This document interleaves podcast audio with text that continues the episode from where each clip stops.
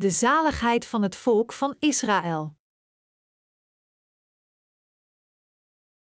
Openbaring 11, 1, 19.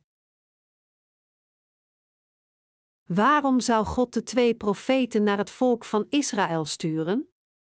God zal dat doen om vooral het volk van Israël te redden. De hoofdpassage zegt ons dat God zijn twee getuigen voor 1260 dagen zal laten profeteren. Dit om de Israëlieten voor de laatste keer te redden. Dat God al dus het volk van Israël zal redden betekent ook dat de tijd van het einde van de wereld gekomen is. Vers 2 zegt: En laat het voorhof uit, dat van buiten den tempel is, en meet dat niet, want het is den heidenen gegeven, en zij zullen de heilige stad vertreden 42 maanden. Dit betekent dat wanneer de afgrijselijke plagen over de niet-Joden komen als de zevenjarige periode van de grote verdrukking begint en geleidelijk aan grote verwarring en plagen brengt, als degenen onder de niet-Joden die het evangelie gehoord hebben en erin geloven, gemarteld worden, God de twee profeten voor het volk van Israël zal verheffen. Ze laten getuigen dat Jezus God en de Verlosser is en aldus de Israëlieten redden. Het vertelt ons dat dit de werken van God zijn die zullen komen. We moeten dit woord aan degenen leren die door Satan misleid zijn, en die beweren dat de leiders van hun genootschap de twee olijfbomen zijn op het eind der tijden, of dat de grondlegger van hun secte de Elisha is die geprofeteerd wordt voor het einde der tijden. Als de wereldlijke kerken over de openbaring praten, zullen ze deze passage van de twee olijfbomen het meest benutten.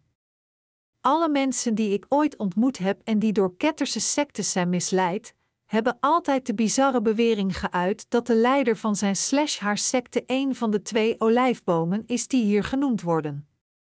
Iedere ketter die ik ken, heeft uiteindelijk zoiets beweerd. Maar de twee olijfbomen en de twee kandelaars van de openbaring zijn niet wat deze ketters beweren dat ze zijn. In werkelijkheid verwijzen deze olijfbomen eigenlijk naar de twee profeten die God zou verheffen van de Israëlieten om hen te redden. Hoofdstuk 11 vertelt ons gedetailleerd hoe God het volk van Israël zal redden. Net als het boek van de Romeinen, heeft ieder hoofdstuk in het boek van de Openbaring een speciaal thema. Slechts door dit thema te kennen, kunnen we begrijpen waar dit hoofdstuk over gaat. Terwijl ze lezen dat de niet-Joden de heilige stad 42 maanden onderdrukken, zullen sommige mensen beweren dat het tijdperk van de niet-Joden over zou zijn. Het tijdperk van de zaligheid van de Israëlieten in plaats daarvan geopend en dat vanaf dat moment dus alleen de Israëlieten gered, omdat ze dit thema niet kennen. Maar dit is verre van de waarheid. Hoofdstuk 7 vertelt ons dat ontelbare niet-Joden ook gered zullen worden tijdens de verdrukking, dat wil zeggen zowel de niet-Joden en de Israëlieten zullen gered worden door de verdrukking en niet alleen de Israëlieten. Als dusdanig vertelt hoofdstuk 11 ons dat God de twee profeten dus zou verheffen om het volk van Israël te redden in de eindtijd, maar dit betekent niet dat de niet-Joden niet langer gered zullen worden. Sommigen zullen dan weer vragen: waren niet 144.000 Israëlieten reeds gered, omdat hoofdstuk 7 ons vertelt dat dit het aantal Israëlieten was welke verzegeld waren door God? Verzegeld zijn is niet hetzelfde als gered te zijn. Er is niemand die gered kan worden zonder door Jezus Christus te gaan. De zaligheid komt slechts door te geloven dat Jezus Christus onze Verlosser werd door naar deze aarde te komen, gedoopt te worden om al onze zonden op zich te nemen, al deze zonden van de wereld naar het kruis te dragen en eraan te sterven, en van de dood te herrijzen. Alhoewel we weten dat we zeker zullen zondigen tot onze dood, zullen we desalniettemin gered zijn door te geloven dat Jezus Christus al onze zonden volledig liet verdwijnen en al dus werd Hij onze Verlosser. Terwijl 144.000 Israëlieten gezegeld zullen zijn, zal God ook zijn twee profeten verheffen en door hen zijn evangelie aan deze Israëlieten preken. Met andere woorden, wat het woord ons vertelt, is dat de twee profeten het evangelie aan het Israëlieten zullen preken en dat 144.000 van hen al dus gered zullen worden. De Bijbel is nooit vooringenomen of discriminerend. Er is niemand die gered kan worden zonder door Jezus Christus te gaan. God zegt niet zonder door Jezus Christus te gaan: Jij bent gered, maar jij niet.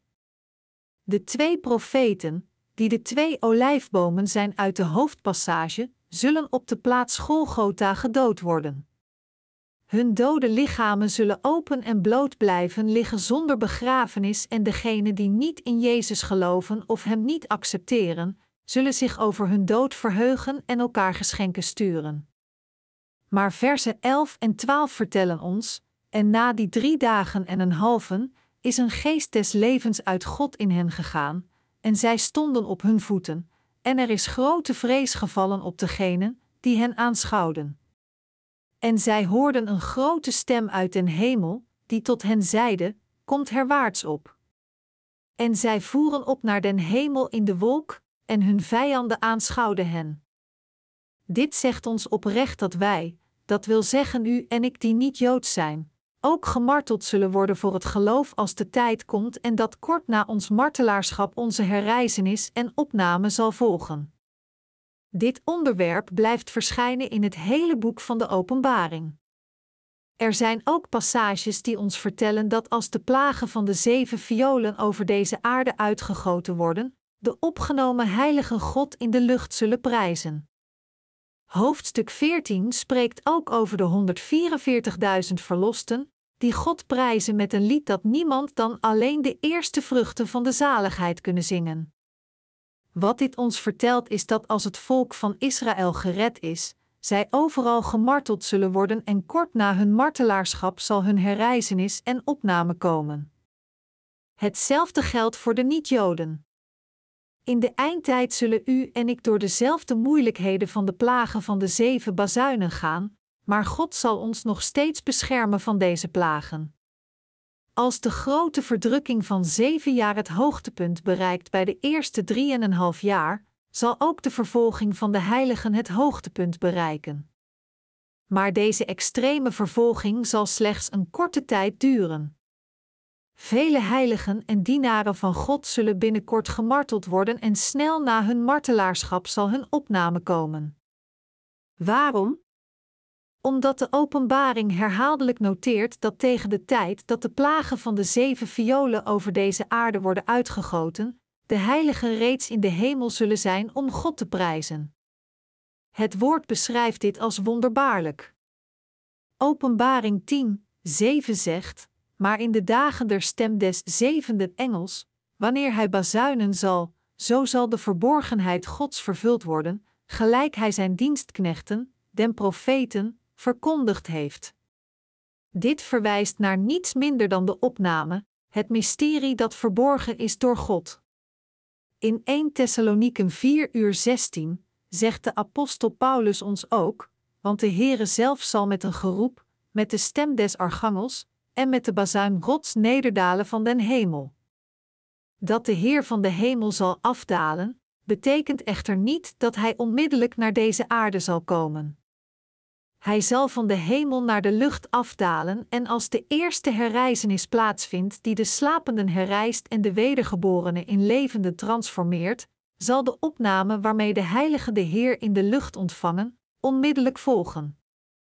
Nadat het huwelijksmaal van het lam in de lucht is gehouden en deze wereld volledig vernietigd is door het uitgieten van alle overige plagen van de zeven violen over deze aarde, zal de Heer op de hernieuwde aarde met ons afdalen en zijn verschijning maken voor degenen die nog steeds leven.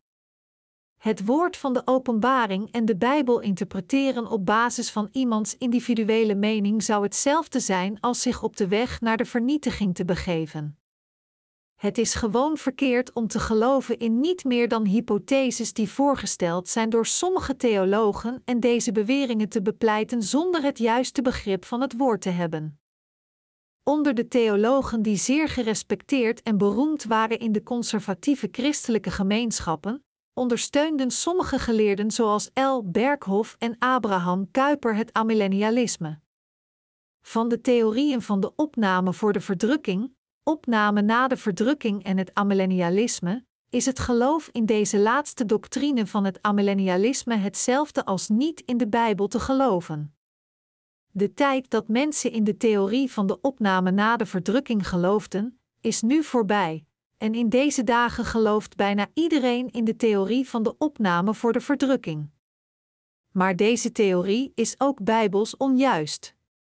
En toch vinden de mensen het nog steeds goed als hen verteld wordt over de opname voor de verdrukking. Waarom? Omdat volgens deze theorie van de opname voor de verdrukking de christenen zich geen zorgen hoeven te maken over de grote verdrukking van zeven jaar. Als dusdanig wordt het aannemelijk voor de gelovigen om een geloofsleven te leiden dat niet heet nog koud is en voor de kerken om zich slechts zorgen te maken over de toename van hun congregaties. Het geloof van de mensen wordt dus nalatig. Omdat zij denken dat ze zich geen zorgen hoeven te maken over de grote verdrukking, zal hun geloof rooskleurig en nalatig worden terwijl hun geloof in feite sterker moet worden met het naderen van het einde der tijden. Lang geleden geloofden de mensen in het amillennialisme en daarna een tijdje in de theorie van de opname na de verdrukking en nu geloven ze in de theorie van de opname voor de verdrukking.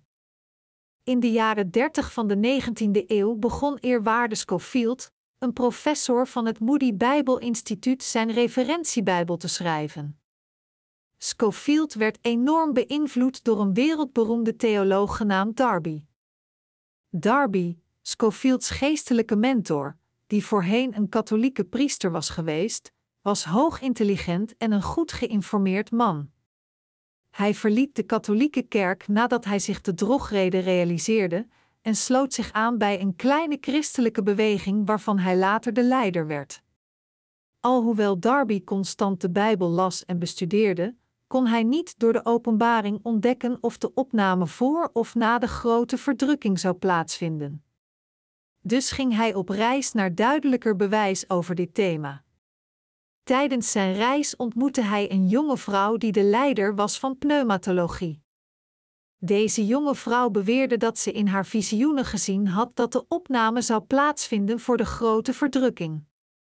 Terwijl hij geloofde wat zij hem zei en overtuigd was dat de opname voor de verdrukking zou plaatsvinden, concludeerde Darby zijn Bijbelse studies met de theorie van de opname van voor de verdrukking. Omdat de mensen van zijn tijd echter hoofdzakelijk hadden geloofd in de theorie van de opname na de verdrukking, werd Darby's theorie van de opname voor de verdrukking niet goed opgenomen. Darby beweerde dat wat er in het boek van de Openbaring is geschreven over de zaligheid van het volk van Israël gaat, en dat het niets te maken heeft met de zaligheid van de niet-Joden. En bij u moet weer profeteren, 10 uur 11, legde hij het niet uit als het preken van het evangelie van het water en de geest, maar van het evangelie van het koninkrijk dat zijn komst afkondigt. Schofield, die zulke hypotheses van Darby volledig accepteerde en deze theorie van opname voor de verdrukking verwerkte in zijn referentiebijbel, ging zijn eigen hypotheses over de zeven tijdperken scheppen. Zulke beweringen van Schofield voldeden aan de eisen van deze tijd en pasten heel goed tegen deze achtergrond, waardoor een grote oproer werd veroorzaakt onder de religies over de wereld en het werd algemeen geaccepteerd. Maar wat zegt God in de Bijbel? In de geschriften zien we Jezus een geschriftsrol nemen die gezegeld is met zeven zegels en we zien hem die openen voor de troon van God, die de geschiedenis in zijn zeven tijdperken heeft verdeeld met de zeven zegels. Het eerste tijdperk is het tijdperk van het witte paard. Dit is het tijdperk van de zaligheid, het tijdperk waarin God beslist ons te redden vanaf het moment dat Hij dit universum en de mens heeft gecreëerd en Hij heeft ons inderdaad overeenkomstig gered. Openbaring 6, 2 zegt ons: En ik zag, en ziet, een wit paard, en die daarop zat, had een boog, en hem is een kroon gegeven, en hij ging uit overwinnende, en opdat hij overwonnen. Dat de Heer overwonnen heeft en zal blijven overwinnen. Zelfs voor de schepping bestond het evangelie reeds en de zaligheid was reeds begonnen. Het tweede tijdperk is het tijdperk van het rode paard, het tijdperk van Satan. Dit is het tijdperk van de duivel waarin hij de vrede van de mensheid wegneemt door ze oorlogen tegen elkaar te laten voeren, elkaar zal laten haten en zich in religieuze conflicten mengt. Het derde tijdperk is het tijdperk van het zwarte paard, welke een tijd is van geestelijke en fysieke hongersnood, en het vierde tijdperk is het tijdperk van het bleke paard, het tijdperk van het martelaarschap. Het vijfde tijdperk is het tijdperk van de opname. God heeft de opname van de heiligen als een van zijn tijdperken gezet. Het zesde tijdperk is dat van de zeven violen, welke de vernietiging van deze wereld inhoudt, en het volgende tijdperk is dat van het duizendjarige koninkrijk en de nieuwe hemel en aarde. God heeft dus de tijd van deze wereld in deze zeven tijdperken verdeeld, binnen het geschriftsrol dat gezegend is met de zeven zegels. Schofield's verdeling van de tijd in zeven tijdperken stond op zichzelf. De zeven tijdperken die daarentegen in Openbaring 6 worden geprofeteerd zijn, aan de hand de zeven zegels van het geschriftsrol in Gods hand, door God zelf gezet. En toch spreken de mensen van een kunstmatige theorie van de opname voor de verdrukking en de velen die erin geloven, komen tot de conclusie dat het niet nodig is om serieus in de Heer te geloven. Zij hebben in hun hart besloten, omdat we voor de grote verdrukking opgenomen worden, zullen we reeds in Gods aanwezigheid zijn als de grote verdrukking van zeven jaar komt. We hoeven ons dus niet druk te maken. Indien het woord van God ons had verteld dat we voor de verdrukking opgenomen zouden worden, dan zou het inderdaad niet nodig zijn ons geloof voor te bereiden en het zou voldoende zijn om één of twee keer per jaar naar de kerk te gaan. Maar dit is niet wat God ons heeft verteld. Zij zullen de heilige stad vertreden 42 maanden. Zij zullen profeteren 1260 dagen. Zulk woord van God vertelt ons dat de niet-Joden ook gered zullen worden in de tijd van de verdrukking. God zal zijn twee profeten verheffen om het evangelie van het water en de geest te verspreiden. Er is niemand die voor God kan staan zonder eerst door de eerste drieënhalf jaar van de zevenjaarlijkse periode van de grote verdrukking te gaan die door hem vastgesteld zijn als de tijd van de tegenspoed komt. God zegt ons ook dat veel martelaars op dat moment uit de verdrukking zullen komen. Om op de juiste manier in Jezus te geloven, moet men de Bijbel precies leren en precies geloven in wat correct is. Als mensen preken en geloven zonder hulp, zonder een pagina van de Bijbel aandachtig te lezen, zullen ze uiteindelijk ketters zijn. De reden waarom er zoveel ontelbare genootschappen in deze wereld zijn, is vanwege het feit dat veel mensen hun geloof op hun eigen interpretatie van de Bijbel baseren. Dat het volk van Israël gered zal worden, zegt ons dat Gods plan vervuld zal worden volgens zijn woord van de belofte. Dit zegt ons ook dat God nooit zijn woord van belofte zal verbreken dat Hij tot ons heeft gesproken, maar dat Hij ze allemaal zal vervullen. Daarom hebben we zoveel hoop. De twee profeten van Israël zullen herrezen worden drieënhalve dag na hun dood en weer opstijgen naar de hemel. Dit is de opname. Het geeft een model van hoe de martelaars van de grote verdrukking opgenomen zullen worden en het toont ons de voorbode van onze eigen opname. De Bijbel vertelt ons dat na het klinken van de zevende bazuin, deze aarde het koninkrijk van Christus zal worden en dat Hij er voor altijd over zal regeren. Zo ook zullen degenen die in Jezus Christus vertrouwen, met Hem regeren. God zal deze aarde volledig vernietigen na de opname van de heiligen.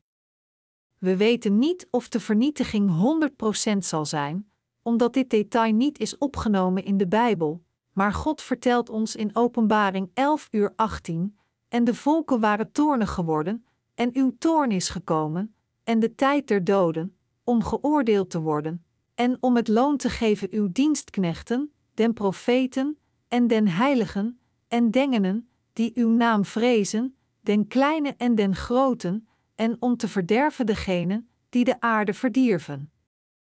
De opname zal bijna zeker plaatsvinden als de grote verdrukking het hoogtepunt van 3,5 jaar gepasseerd is, niet precies bij het bereiken van de eerste 3,5 jaar, maar iets erna. Het middelpunt van de zevenjarige periode is wanneer de verdrukking het hoogtepunt bereikt. Dit is als de heiligen van het volk van Israël gemarteld zullen worden en kort hierna zal de opname komen. Als de opname plaatsvindt, zullen we alle verenigd worden aan het huwelijksmaal van het Lam in de lucht. Terwijl we deelnemen aan het huwelijksmaal van het Lam in de lucht, zullen de plagen van de zeven violen op deze aarde neerdalen, zoals ons verteld wordt door Matthäus 25. We zullen God nog meer voor Zijn genade danken als we God in de lucht prijzen en alle dingen zien die op deze aarde gebeuren. Ik hoop en bid dat u door het woord van de openbaring in staat zult zijn om de tijden te onderscheiden als de laatste dagen komen, om op de juiste manier in het woord te geloven, uw leven ijverig met geloof te leven en u voor te bereiden op de toekomst. Om de Heer te prijzen, eren en aanbidden, terwijl u deelneemt aan het huwelijksmaal van het Lam met Hem, moet u uw geloof voorbereiden. Ik hoop dat het woord van de openbaring een geweldige leidraad voor u zal zijn in de dagen die komen gaan, uw hart er nogmaals aan laat herinneren dat u ijverig moet leven en getrouw met uw geloof in het evangelie van het water en de geest.